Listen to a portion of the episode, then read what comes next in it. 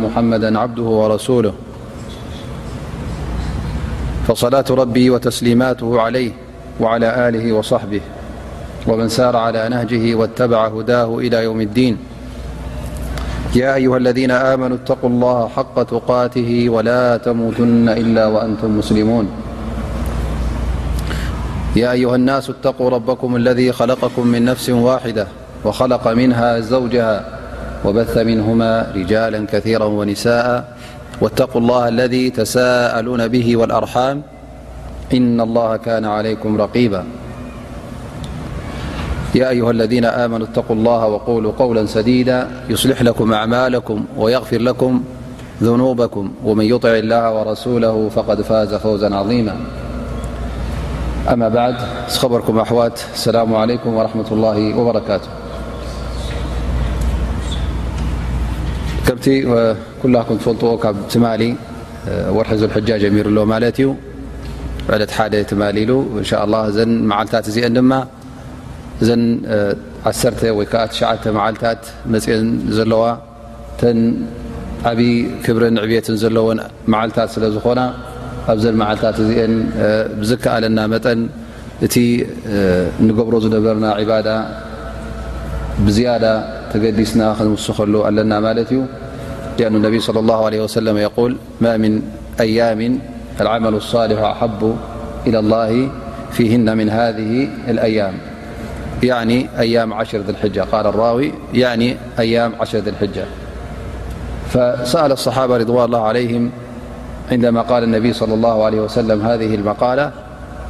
ቃሉ ወለልጅሃዱ ፊ ሰቢል ላህ ነቢ ስ ሰለም ኣብዘን መዓልትታት እዚአን ዝግበር ሰናይ ተግባር እቲ ዝበለፀን ዝተፈተወን ተግባር እዩ ኢሎም ነቢ ስ ሰለ ዝጠቐሱ ሰናይ ተግባር እንታይ ኣትዎ ማለት እዩ ኩሉ ኣትዎ ማለት እዩ ሰደቃ ይኹን ገንዘብ ምሃብ ይኹን ፆም ይኹን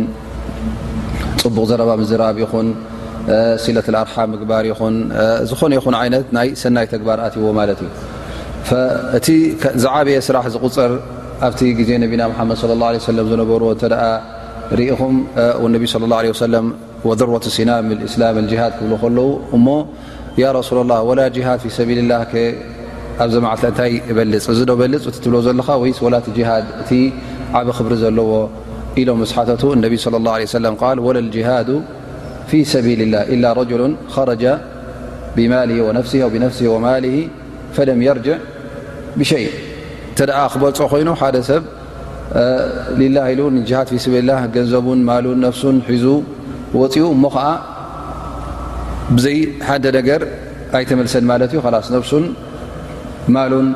ኩሉ ኣብ ጅሃድ ኣጥፊእዎ ማለት እዩ ስለዚ ኣብዘን መዓልታት እዚአን ትገብሮ ሰናይ ተግባር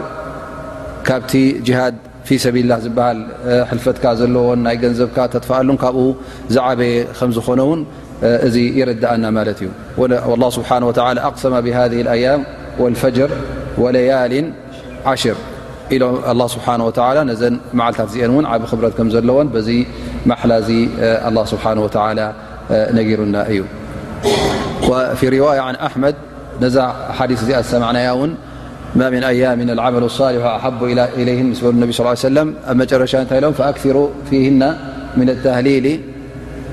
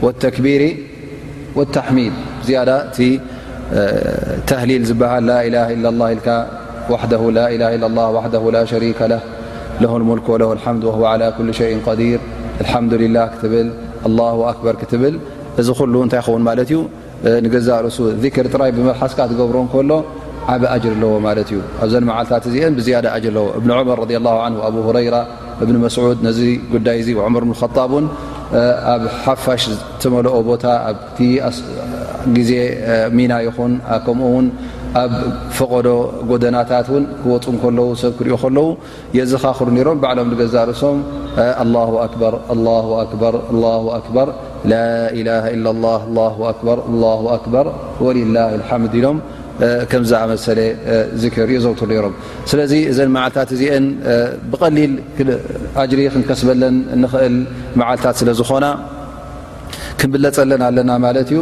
ሱቕ ኢለን ክሓልፋናን ሱቕ ኢለን እውን ካብቲ ታሽሙ ክትርፋ የብለን ካብቲ ንሕና ንኸስበሉ ኣጅሪ ካብኡ ክነትርፈን የብልናን ስለዚ ብመልሓስና ይኹን ዚክር ኮይኑ እንተ ክኢልካ ድማ ም ጾም ጸውም ሰደቓ ክተውፅእ እተ ክእለት ኣለካ ኮይኑውን ዝዓየ ዝኾነ ይኹን ዓይነት ሰደቓ ተውፅእ ገንዘብ ሂብካ ብገንዘብ ብማሉ ወይከዓ ጥረ ነገር ክትህብ እተደኻ ን ስጋ ሓሪድካ ክትህብ እተኻ እሊ እለ ማይ ክትህብ እተኻ ዝኾነ ይኹን ሰናይ ተግባር ኮታ ኩሉ ፍት ይኸውን ማለት እዩ ብ መብዝሕቲ ሰብ እቲ ብዝያዳ ዝዘውትሮ እተ ርእና ውን ፆም ይኹን ከምኡውን ናይ ሰደቃ ምሃብ ከምዚታት ይዝውተር ኣሎ ማለት እዩ ገለገለ ሰባት ውን ይሓቱ እዮም እንተዘይጾምካ ከመይ እዩ ግዴታ ዲ ክትፀውም ሎ መዓልቲ ቴሌፎን መፅ ማለት እዩ ብዛዕባ እዚ ጉዳይ ዚ ሕቶ ነይሩ ማለት እዩ ሓንቲ ሓፍትና ትሓትት ኣነ ትማሊ ፆም ጀሚረ ን ሎመዓልቲ ስለተፀላኣኒ ክፀውም ኣይከኣልኩን እሞ ከመይ እዩ እ ፅባሕ ክቕፅል ዶ ወላስ ኣይቅፅልን ወይ ስቲ ፆም ተበቲኹ እዩ ከምዚ ዓይነት ሕቶ ሎማት እዩ ወይ ከዓ ክቀድያ ኣለኒ ዩ ዳሕራይ ኢላ ትሓትት ማለት እዩ ብዛዕባ ናይ ፆም እተዳርእና ዘን ዓሰተ መዓዘን ትሽዓተ መዓልታት ብዛት ወይከዓ ዘን ሸሞንተ መዓልታት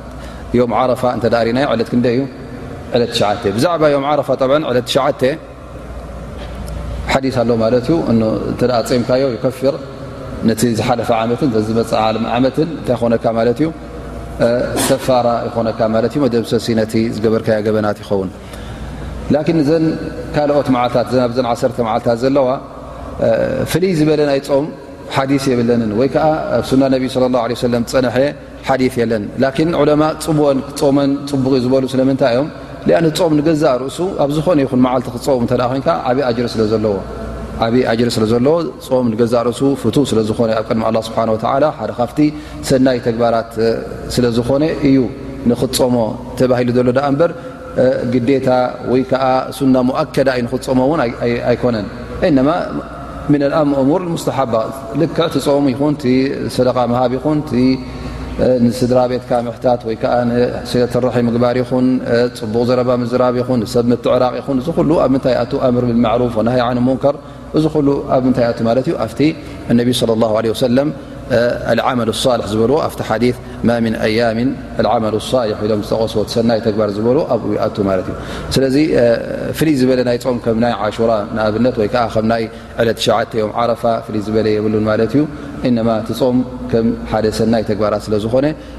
ግዴታ ተን ሸሞንቲ መዓልቲ ኩለን ክትፀመን ኣለካ ውን ኣይበሃል እ ተ ዝከኣለካ ትፀውም ማለት እዩ ዝከኣለካ ትገብር ሲለት ኣርሓም ትገብር ንሕሙም ትበፅሕ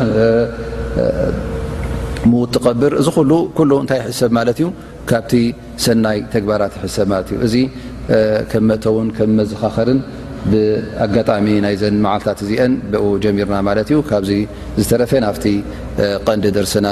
ናብኡ ንኣቱ ማለት እዩ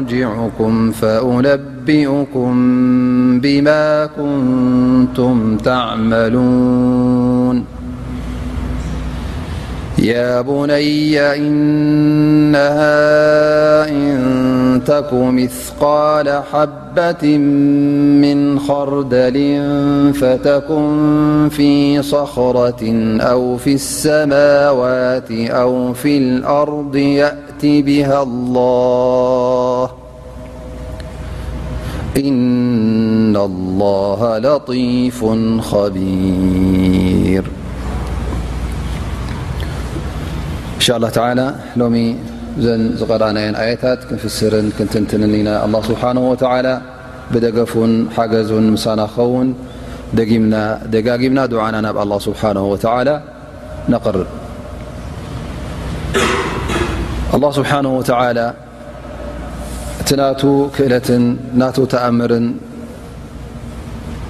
እንደገና ውን ይገልፆ ኣሎ ማለት እዩ ምክንያቱ እቲ ናቱ ሓይልን ናቱ ልኡልነትን ክትፈልጥ ከለኻ ንሱ ግዴታ ጎይታ ከም ምኳኑን ኩሉ ኣምልኾት ውን ንኡ ጥራይ ክወሃብ ከም ዘለዎ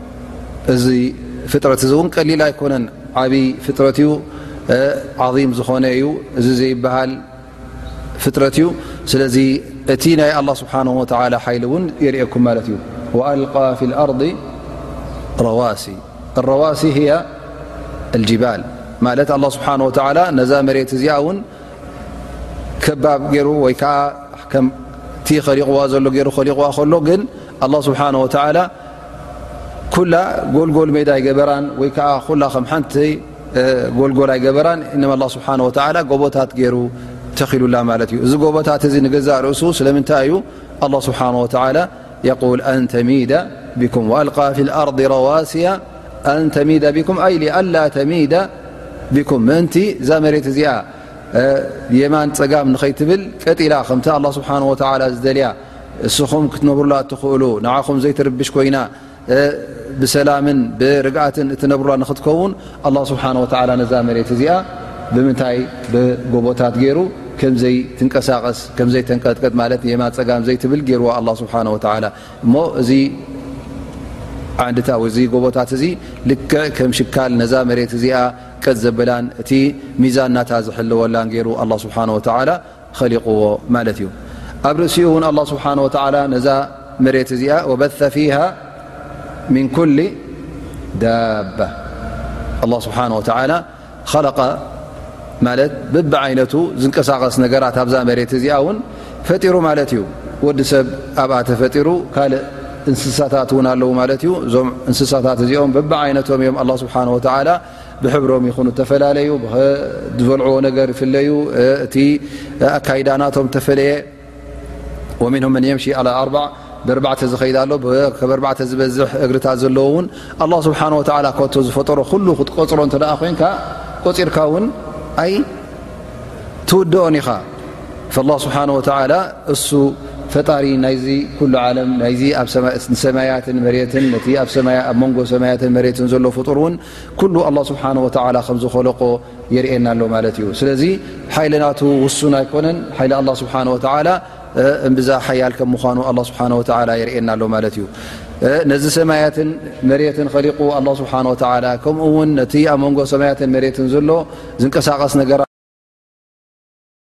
ይኹን ህወት ዘለዎ ነገራት ይኹን ህወት ዘይብሉ ነገራት ይኹን ጎቦታት ይኹን እማን ይኹን ኣ ስብሓ ባሕርታት ይኹን ስብሓ ዩ ኸሊቕዎ ነዚ ነገር እዚ ኣ ስብሓ ምስ ኣረጋገፀ እውን ናብ ምንታይ እየ ዝሰጋግረና ኣሎ ማለት እዩ ኣ ስብሓ ኩሉ ኸሊቕዎን ፈጢርዎን እቲ እተፈጥረውን ጌና ምስ ተፈጥረውን ካብ ኣ ስብሓ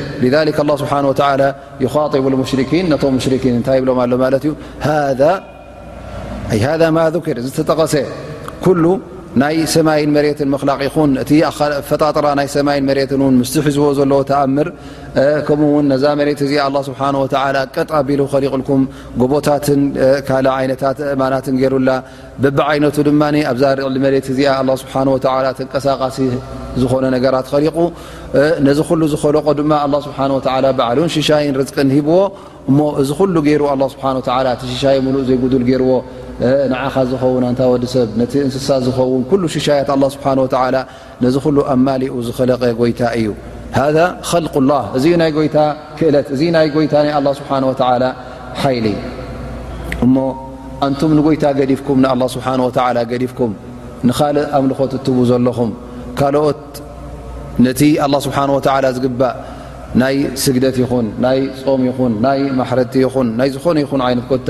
ናይ ዱዓ ይኹን ንጎይታ ንኣላ ስብሓን ወተላ ገዲፍኩም ንኻልኦ እትህቡ ዘለኹም እንታይ ገይሮም እዮም እዞም ካልኦት እዚኦም ኣብ ቅድሚ ኣላ ስብሓን ወተላ እንተ ከተነፃፅርዎም ኮንኩም እንታይ እዮም ገይሮም ሃذ ኸልق ላህ ፈኣሩኒ ማذ ኸለق ለذነ ምን ዱኒ እቶም ተምልኽዎም ዘለኹም እንታይ እዮም ፈጢሮም እንታይ እዮም ኸሊቆም እንታይ እዮም ሽሻይ ሂቦም እንታይ እዮም ረዚቆም ኣላ ስብሓን ወተላ በይኑ ደይኮነ ነዚ ኩሉ ነገር ኸሊቕዎ ፈጢርዎ ኣላ ስብሓን ወተላ ንዓኹም ኣላ ስብሓን ወተላ ፈጢርኩም ነቶም እተምልኽዎም ዘለኹም እውን ስእልን ምስልን ይኹኑ ወላ እውን ደቂ ሰብ ይኹኑ ወላ እውን ኣጋንንቲ ይኹኑ ወላ እውን መላእካ ኢልኩም መላእኽቲ ትቆፅርዎም ይኹኑ እዚኦም ኣላ ስብሓን ወተላ ደይኮነ ኸሊቕዎም ፈኢዘን ኣላ ስብሓን ወተላ እሱኡ በዓል ዓብዪ ብልፀት እሱኡ እቲ ጎይታ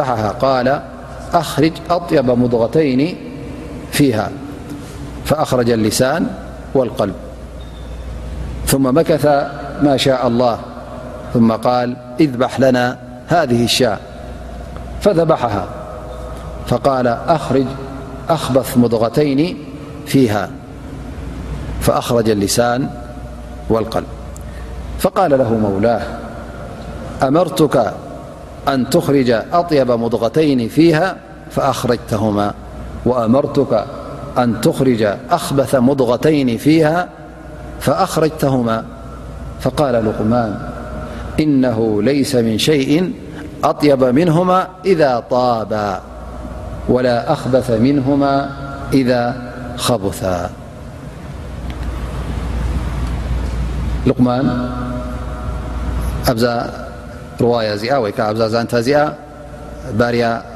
ኣብ ዓዲ ሓበሻ ዝነበረ ፀራብ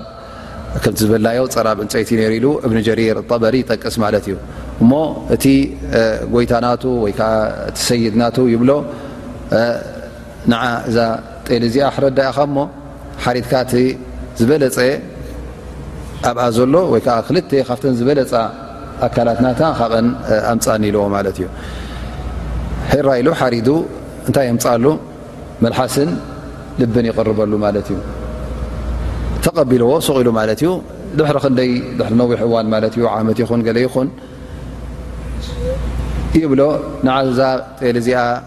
ወይ ከኣ እዛ በጊዕ እዚኣ ኣሕረዳ እሞ እተን ዝኸፈኣ ክልተ ነገራት ኣብኣ ዘለዋ ኣውፅእካ ሃበኒ ይብሎ ማለት እዩ ኣምፃ ቢሉ እንታይ ቦ ማለት እዩ ነታ መልሓስን እታ ልብን ቁርፃ ቢሉ ድማ የቀርበሉ ማለት እዩ ጠብዐን ተገሪሙ እንታይ ኢኻ ስኻ ኢልዎ ኣነ ቅድሚ ሕጂ ተን ዝበለፃ ተን ዝበለፃ ኢለካ ወይ ከዓ ተን ዝመቀራ ኢለካ ኣይነት ኣምፂኻለይ እታ ልብን እታ መልሓስን ተን ዝኸፈኣ ኢለካ ድማ ሕጂ ንዐን ኣምፂኻለይ ማለት እዩ እንታይ ዓይነት ሰብ ኢኻ እንታይ ማለትካ ኢሉ ይሓቶ ማለት እዩ እዎ ይብሎ ኣነ ዘምፃእኹልካ እዘን ክልተ ነገራት ዘምፃእኹልካ ኢልዋ እንተ ጥዒመን እተ መቂረን ከምአን ዝጥዕም የለን እንተ ከፊአን ድማ ካበን ዝኸፍእ የለን እብሎ ማለት እዩ እዚኣ ንገዛእ ርእሲ ዓብ ጥበብ ወይከዓ ዓብ ሕክማ እያ ትርኢ ማለት እዩ ኣን ሓደ ሰብታ እንድሕር ልቡን መልሓስን ክፉእ እንተ ደኣ ኮይኑ እዚ መልሓሱ ዕረ ኢሎም ከማ ጠቕሱኻ ብ ዓድና እንተ ኩሉ ግዜ ሕማቕ ደወፅ እተ ኮይኑ የበሎ እዚ መልሓሱ ኩሉ ግዜ ዕረን ይበሃል ማለት እዩ ደሊል ዓላ ኣኖ ምቅርቲ እኮ እዛ መልሓስ ንሐ ወይ ትምቅር ወይ ከዓ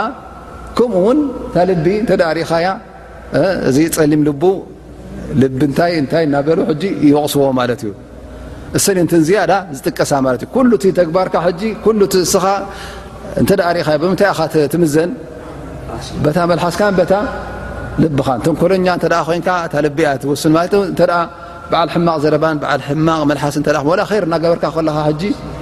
ሕማቕ ድሕር ትዛረ ኮይንካ ኢትካ ወላ እናሃብካ ከለኻ እተ ፀርፊ ተኸትለሉ ኮይንካ ወይ ከዓ ኣነ ገብረልኩም ኣነብለልኩም ኢልካ እተ ትዛረብ ኮይንካ ትትገብሮ ዘለካ ኩሉ እንታይ ይኸውን ማለት እዩ ኩሉ ወን ሓንቲ ፋኢዳ የብሉ እታ መልሓስካ እሳ ትኸፍኦም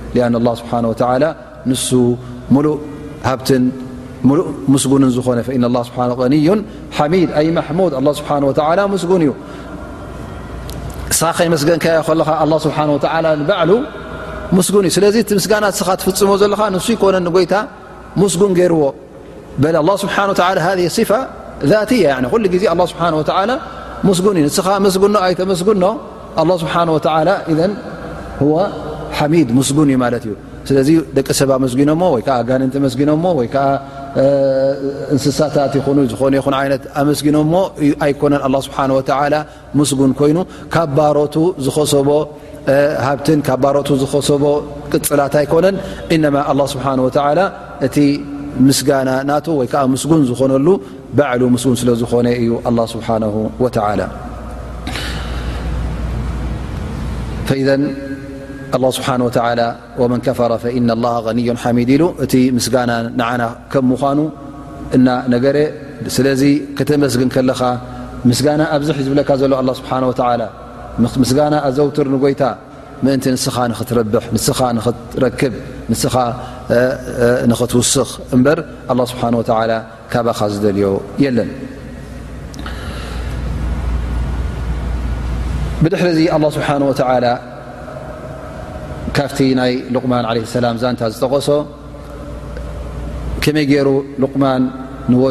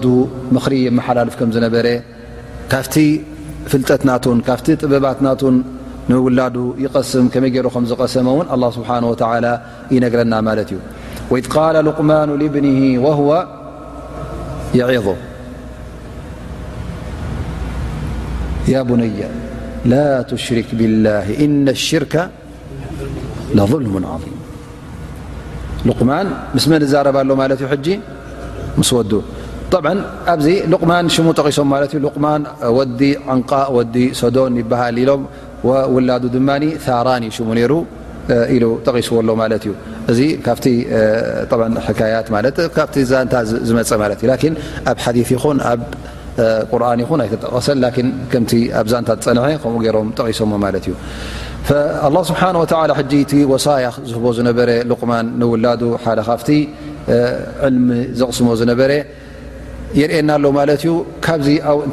ቀዳማይ ነገር ኣቦ ኩሉ ግዜ ብውላዱ ክግደስ ከም ዘለዎ ሕድሪ ከመሓላልፈሉ ኣለዎ ኩሉ ግዜ ኩሉ ግዜ ውላድ ምናልባሽ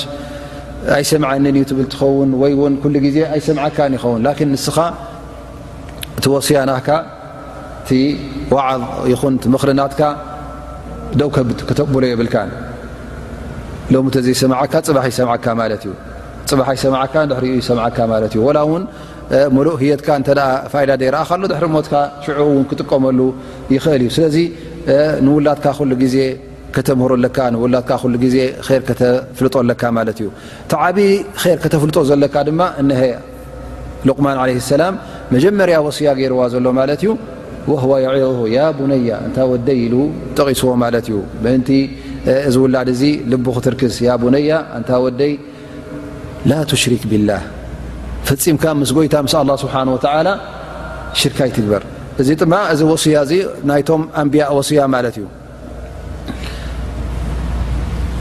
ያዕቁብ ዓለ ሰላም ለማ ሓደረት ወፋት እንታይ ኢሉ ማለት እዩ ንመን ይፀዊዕዎም ንደቂ ኩሎም ኣኪቦዎም ማለት እዩ እንታይ ኢልዎም እንታይ ኹም ብድሕረይ ንመን ኢኹም እተምልኹ ኢሉ ሓቲትዎም ማለት እዩ እሶም ከዓ ናዕቡዱ ኢላሃካ ወኢላሃ ኣባይክ ንሕና እቲ ጎይታኻን ነቲ ጎይታ እቶም ኣቦታትካን ንዕኡ ኢና ነምልኽ እዘ ቐድያ ኩልሃ እታ ጉዳይ ምስ ምንታይ ተኣሳሲራ ማለት እዩ ንምንታይ እዩ ኣብታ ተውሒድ ማለት እዩ እታ ቐንዲ ክተትሕዞም ዘለካ ነቶም ደቅኻ እታ ቐንዲ ናይ እስልምና እውን ናይ እምነት ቢላ ስብሓን ወተላ ኣላ ስብሓን ወተላ ጎይታኹም ምኳኑ ኣምልኾት ጥራይ ንዕኡ ክወሃብ ከም ዘለዎ ነዚኣ እንተ ኣትሒዝካዮ በዚኣ እተ ጀሚርካ ብድሕሪኡ ዝመፅእ ኩሉ ክቐለልካ እዩ ማለት እዩ ፈሉቅማን ይበይኑ ልብኒ ንወዱ ነዚ ውላዱ እዙ እታ ዝዓበየት ወስያ ዝሃቦ ላ ትሽሪክ ቢላ ህብሎ ኣሎ ማለት እዩ ኩሉ ግዜ ንጎይታ ንዑ ጥራይ ኣምልኺኻ ኩሉ ግዜ ንዕኡ ንፀሃይኻ ካብ ሽርክ ዝበሃል ካብ ምስ ኣላ ስብሓን ወተላ ካልኦት ኣምልኾት ምሃብ ካብኡ ረሓቕ ኢሉ የጠንቅቆ ኣሎ ማለት እዩ ምኽንያቱ እውን ይነግሮ እዚ ነገር እዚ ስለምንታይ እየ ዝኽልክለካ ዘለኹ ኢሉ እቲ ሰበብ ናቱ ቃል እነ ሽርከ ለظልሙ ዓظም እቲ ዝዓበየ ዓመፅ እንተ ክበሃል ኮይኑ ኣየና እዩ ሽርክ ቢላ ምስ ኣላ ስብሓን ወተላ ሽርካ ክትገብር እንከለኻ እቲ ዝኸፈአንቲ ዝበእሰን ዓመፅ ይኸውን ማለት እዩ ምኽንያቱ እንታይ ኢኻ ትገብር ዘለኻ እስኻ ነቲ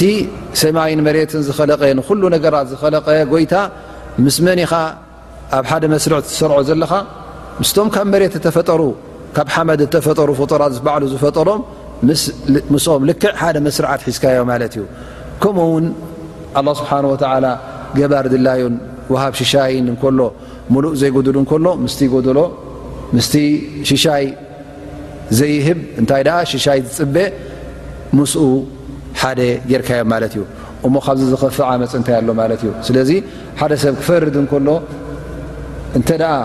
ንክልተ ነገራት ሓደ ዘይኮኑ ክልቲኦም ሓደ እዮም ክብል እንከሎ ሃሊ እዚ ፍርዲ እዚ ቅኑዕ ፍርዲ ይበሃል ወይስ ዓመፅ ዓመፅ እዩ ዝበሃል ማለት እዩ ስለዚ ኣብቲ እስኻ ፍርዲ ሂብካዮ ዘለኻ ንጎይታ ንኣላ ንጎይታ ንኣላ ነዚ ጎይታና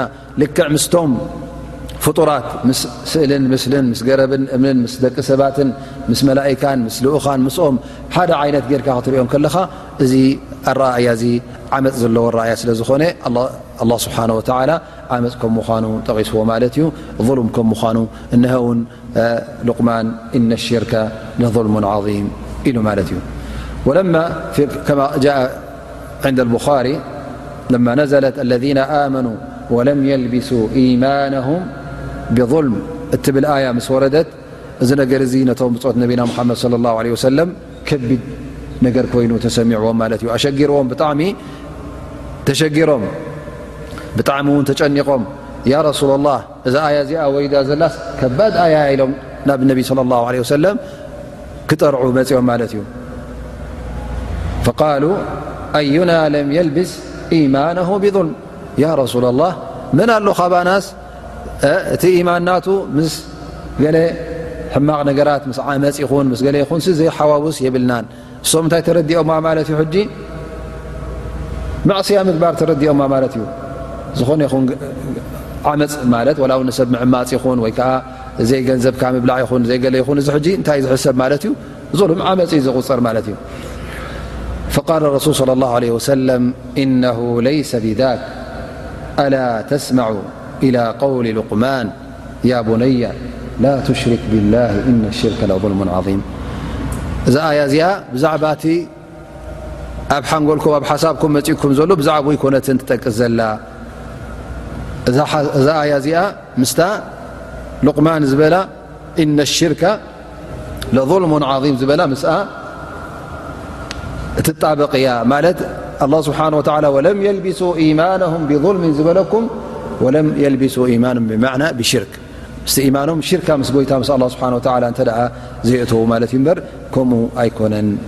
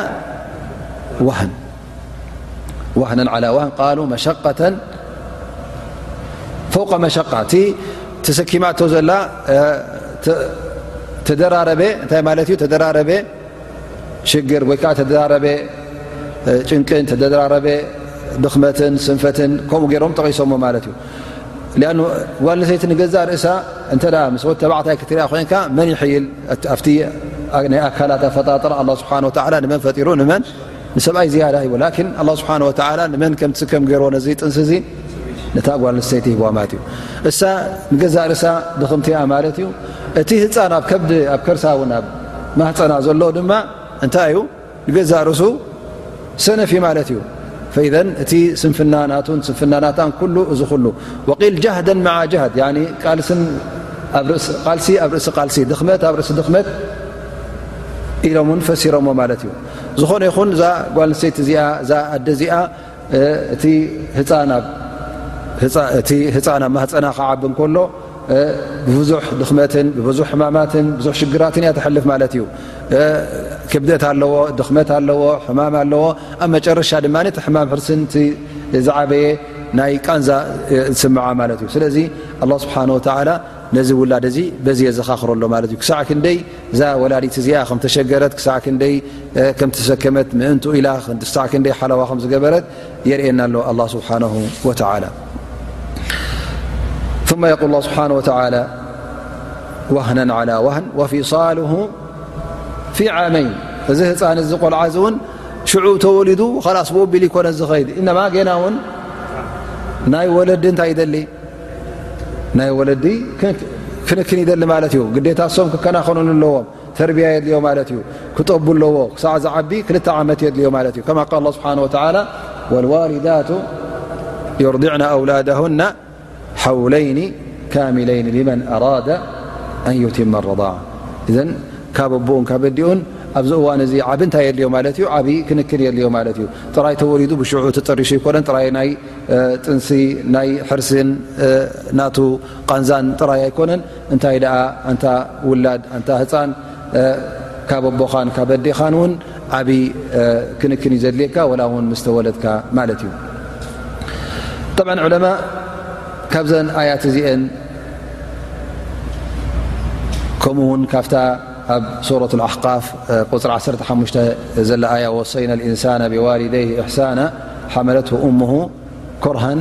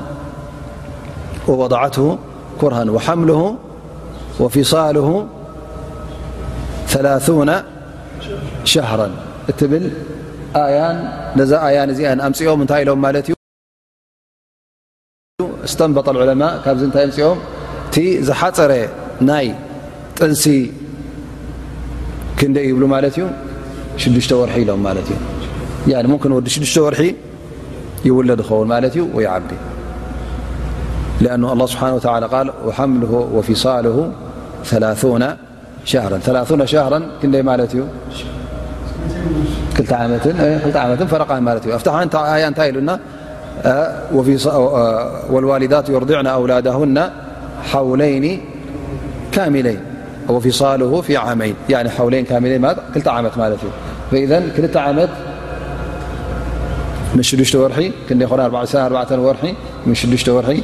ሰላሳ ወርሒ ይኾና ማለት እዩ እዘን እቲ ዝወሓደ ናይ ጥንሲ ጓልሰይቲ ጠንሶ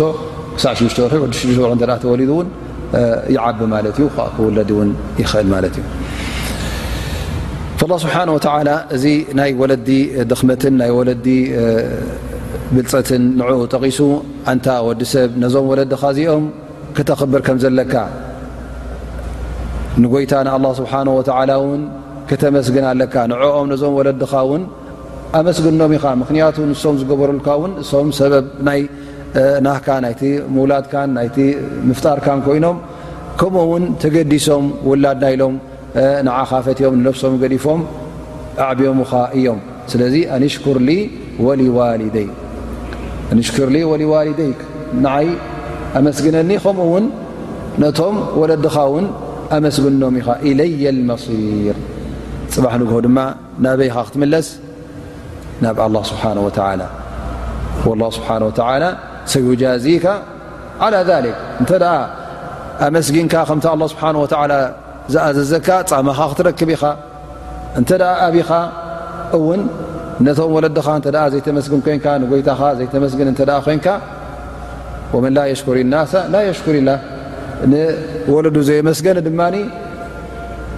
ንጎይታ እውን ከመስግን ኣይኮነን ኣን ኣስለ እዚ ሰብ እዚ ር የብሉን ማለት እዩ እቶም ብዓይኖም ዝርዩ ብዓይኑ እናረኣየ ር ዝገብርሉ ዘለዉ ብኦም ንኦም ዘየመስገኒ ከመይ ገይሩ ንጎይታ ንኣ ስብሓን ወተላ የመስግን ማለት እዩ እሶም ተኸናኺኖም ናዕበይዎ ይፈልጥ ኣሎ ይርኢ ኣሎ ይስምዖ ኣሎ ዚ ነገር እዚ እሞ ብዓይኑን ብእምርኡን ብኩሉ እናረኣዮ ከሎ ብእዙ እናሰምዐ ከሎ እቲ ናቶም ተገዳስነት እቲ ናቶም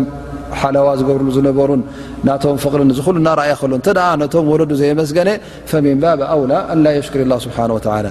እዘን ኣንታ ወዲ ሰብ እዞም ወለድኻ እዚኦም ቀሊል ነገር ኣይኮነን ንኦም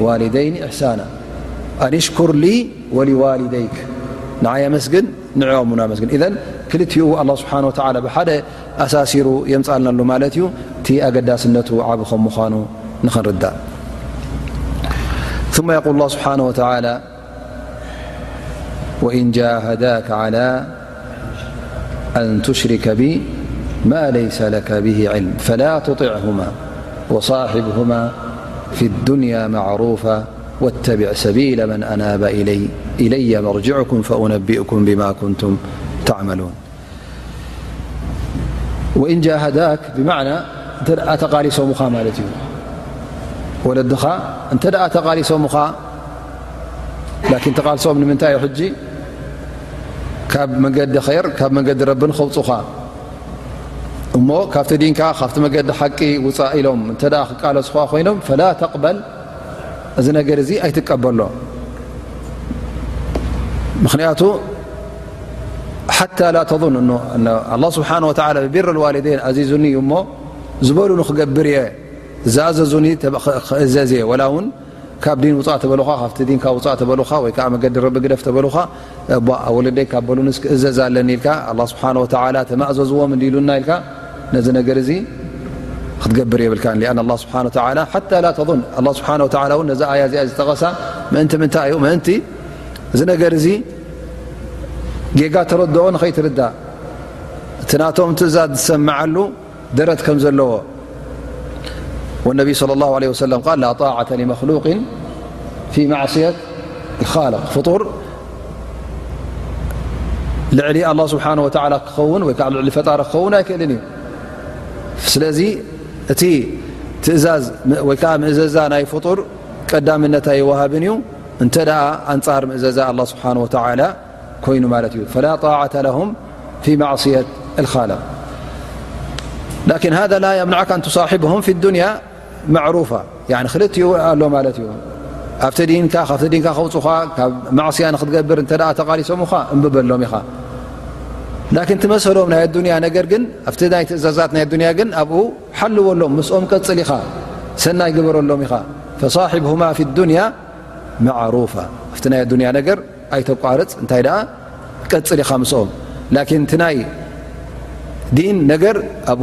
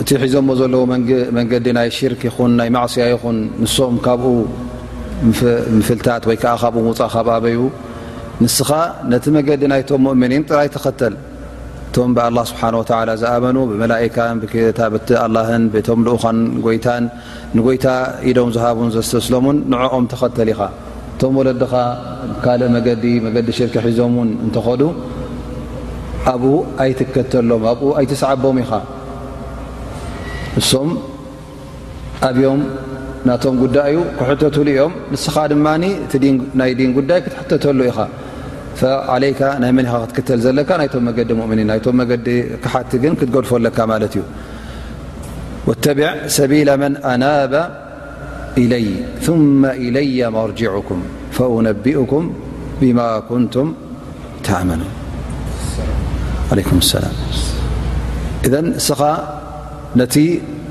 ቅኑዕ መገዲ ንኡ ሒዝካ እተ ከትካ ፅባሕ ንግ ንስኻ ንሶምን ቶም ሙእምኒን ቶም ክሓትን ናብ መን እዮም ክትምለሱ ናብ ጎይታ ናብ ኣላ ስብሓን ወተላ መምለሲኹም ኣነ ስለ ዝኾንኩ ፅባሕ ንግሆ ውን ኩልኹም እንታይ ትገብሩ ከም ዝነበርኩም ኣብ ሓቂ ዲኹም ነርኩም ኣብ ጌጋ ገበናትኩም እንታይ እዩ ሰናይ ስራሓትኩም ከ እንታይ እዩ ኣላ ስብሓን ወተላ ኩሉ ፀብፂብዎ ክፀንሕ እዩሞ ክነግረኩም እዩ ፈኡነቢኡኩም ብማ ኩንቱም ተዕመሉን እቶም ር ዝገበሩ ኣይ ናይ ራት ከም ዝገበሩ እቶም ሰብ ሰናይ እንታይ ሰናይ ከም ዝገበሩ ኩሉ ሒዘሎም ክፀንሐ እሞ ክነግሮም እዩ እዚ ጉዳይ እዚ ቀዳማይ ነገር እንታይ ዘርእየና ዘሎ ኣላ ስብሓን ወተላ ንሱ ዝኾነት ትኹን ነገር ትዕበ ትንኣስ ኣላህ ስብሓን ወተዓላ ይፅብፅቦ ከም ምኳኑ ይቆፅሮ ከም ምኳኑ ካብ ፍልጠቱ እውን ከምዘይሕባእ ከምዘይስወር ይርእየና ኣለዎ ኣላ ስብሓን ወተዓላ ኣብ ርእሲኡ እውን መጠንቀቕታ እዩ ዝበና ዘሎ ኣላ ስብሓን ወተዓላ ፈኡነቢእኩም ብማ ኩንቱም ተዕመሉን ምምላስና ናብ ጎይታ ናብ ኣላ ስብሓን ወተዓላ ካብ ኮነ ፅባሕ ንግሆ ኩላህና ናብኡ ክንምለስ ካብ ኮና እሞ እቲ ንሱ ዝበለናን እቲ ንሱ ዝፈትዎን እቲ ንሱ ዝደልዮን ንዕኡ ክንገብር ኣለና ማለት እዩ ንኡ ክነፅንሕ ኣለና ካብቲ ማዕስያ ይኹን ካብቲ ሽርካ ምስ ጎይታ ምስ ኣላ ስብሓን ወተላ ይኹን ካብኡ ክንጥንቀቕን ካብኡ ክንርሕቅን ኣለና ማለት እዩ ሊኣኑ እዙ ንገዛ ርእሱ ንዓና ከም መጠንቀቕታ እዩ ኢለየ መርጅዕኩም እዩ ዝብለና ዘሎ ፈኡነቢእኩም ብማ ኩንቱም ተዕመሉን እሞ ናብኡ ካብ ኮነ ምምላስናስ ብሕጂ እንታይ ክንገበር ኣለና ክንጥንቀቕ ኣለና እቲ ሕጂ ንሰርሖ ዘለና እቲ ተግባራትና ሕጂ ብሕጂ ብእዋኑ ከነዕርዮ ኣለና ኣ ማ የልፊظ ምን قውል ኢላ ለደይህ ረቂቡ ዓቲድ ኩሉ ስራሓትና ኩሉ ዘረባታትና ኣላ ስብሓን ወተላ ይፅብፅቦ እዩ ዘሎ ኣብ ፀብፃብ ይኣት እዩ ዘሎ ማለት እዩ ስለዚ ተኣኪቡ ፅባሕ ንግሆ ንውርደትናን ንሕስረትናን ንኸይከውን ካብኡ ንጠንቀቕ እዚ ናይ ሎም መዓልቲ ደርስና በዚ ንድምድሞ ሓንቲ ኣያ ተሪፋ ነራ ላኪን እንሻ ላ ኣብ ዝመፅ ዘሎ ደርስና እንሻ ላ ተላ ንወስዳ ማለት እዩ ዝመፅ ዘሎ ጠብ ዒድ ስለ ዝኾነ ምናልባሽ ንሓደ ሰሙን ንክልተ ሰሙን ንክልተ ሰሙን እጃዛ ሂብናኩም ኣለና መቸም ትሐጎሱ ትሐጎሱ ምእንቲ ዛኩም ላ ር እንሻ ላ